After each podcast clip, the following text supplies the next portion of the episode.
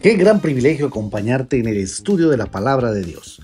Bienvenido al podcast de la hora silenciosa de Palabra de Vida Guatemala. Descubriremos junto a ti los desafíos que Dios nos dará hoy a través de su palabra. Deseamos que hayas tomado un tiempo para leer con anticipación el pasaje del día de hoy.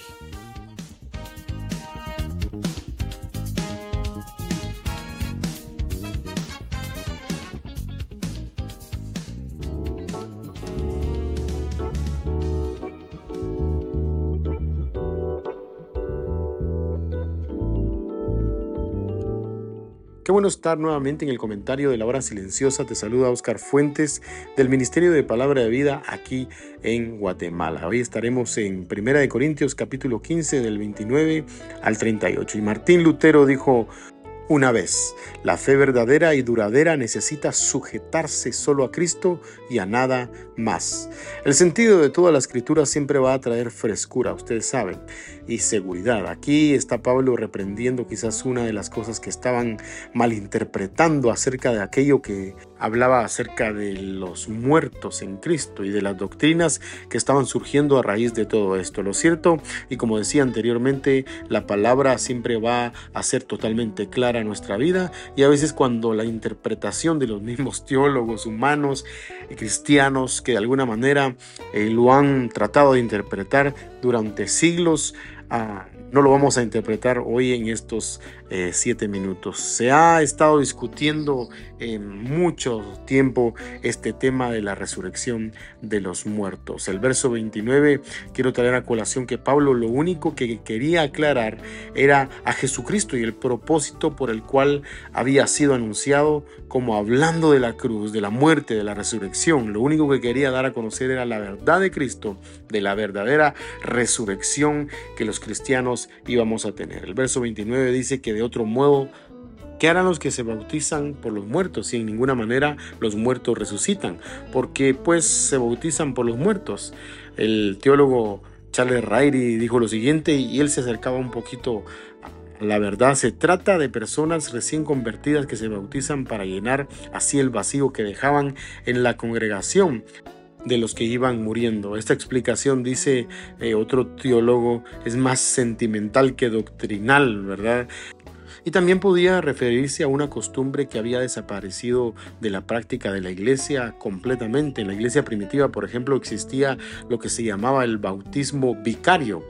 Si moría una persona que había tenido intención de bautizarse e ingresar a la iglesia, y probablemente estaba, siguiendo el curso de catecumenado, como le llamaban, de bautizarse e ingresar a la iglesia, ¿verdad? Algunas veces otra persona se bautizaba en su nombre. La costumbre surgió de una idea supersticiosa del bautismo que se suponía que sin él una persona quedaba irremisiblemente excluida de ir al cielo para prevenir lo cual otra persona se presentaba voluntariamente para bautizarse literalmente en lugar del fallecido. Aquí Pablo ni se muestra de acuerdo ni en desacuerdo con aquella práctica, simplemente pregunta si tiene algún sentido cuando no se tiene la esperanza de que los muertos resuciten. Pero que seguramente nos lleva a pensar que así como ellos se estaban confundiendo en su forma de presentar el Evangelio y de que los muertos iban a resucitar aunque no creían que fuera muy coherente las cosas que se presentaban.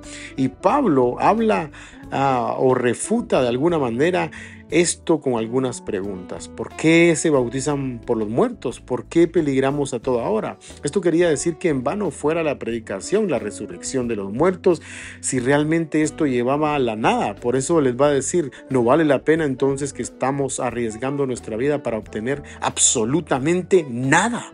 Y es que por eso tenemos una gran esperanza en lo que hizo Cristo por nosotros y por, por eso luchamos, por eso predicamos cada uno de nosotros. Por eso eh, dice el pasaje ahí en el versículo 31. Os aseguro, hermanos, por la gloria que de vosotros tengo en nuestro Señor Jesucristo, que cada día muero, o diciendo que cada día me arriesgo a causa del Señor Jesús. Esto dice otra versión, el versículo 32, si como hombre batallé en Éfeso contra fieras, ¿qué me aprovecha? Si los muertos no resucitan, comamos y bebamos, porque mañana moriremos.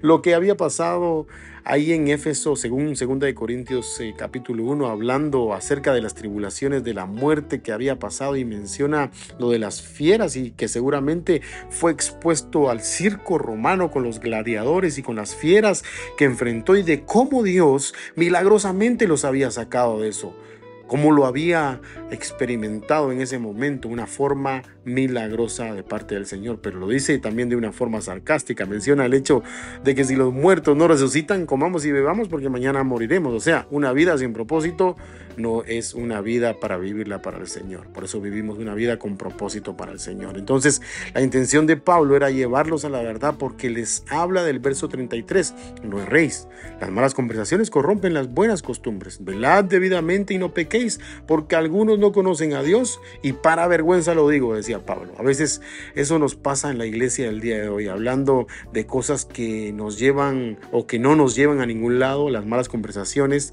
Eh, sé sabio en la manera que hablas con los demás, que hablas acerca de tu fe, acerca de tu testimonio. Sé sabio porque... Acá a veces hasta podemos ser tropiezo para aquellos que no conocen a Cristo, para vergüenza vuestra lo digo, decía Pablo, porque quizás muchos no creen a causa de lo que nosotros estamos hablando. Y de los versos del 35 al 38 hay algo maravilloso que podemos encontrar hablando de las preguntas más comunes que nos hacemos nosotros los cristianos. ¿Cómo resucitarán los muertos? ¿Con qué cuerpo vendrán? Y, y un escritor hablaba acerca de esto en un comentario y decía, refiriéndose a aplicar la analogía de la semilla. Esta se pone en la tierra y muere, pero a su debido tiempo surge otra vez y lo hace con un cuerpo muy diferente del que tenía cuando se sembró. Pablo muestra que al mismo tiempo puede haberse una disolución, eh, diferencia y también una continuidad. La semilla se desintegra y luego surge otra vez. Hay una diferencia abismal en su cuerpo, pero a pesar de la desintegración y la diferencia es la misma semilla. Así nuestro cuerpos mortales se disolverán. Resucitaremos con una forma distinta, pero será la misma persona la que resucite, desintegrados por la muerte, transformados por la resurrección, pero seremos los mismos. En el mundo, hasta tal cual lo conocemos, no hay una sola clase de cuerpos, cada parte separable de la creación tiene el suyo. Dios le da a cada cosa creada un cuerpo idóneo para su función en la creación. En ese caso, es de lo más razonable el esperar que nos dé un cuerpo adaptado a la vida resucitada. Por eso creemos en las promesas del Señor, que un día resucitaremos con Él y nos da un claro ejemplo con el Señor Jesucristo de la esperanza de aquellos que van a resucitar. Por eso, vívelo. Estudia la palabra, medita la palabra y practica la palabra. Créele a la palabra porque las malas conversaciones van a corromper las buenas costumbres. Que el soberano Dios bendiga tu vida grandemente.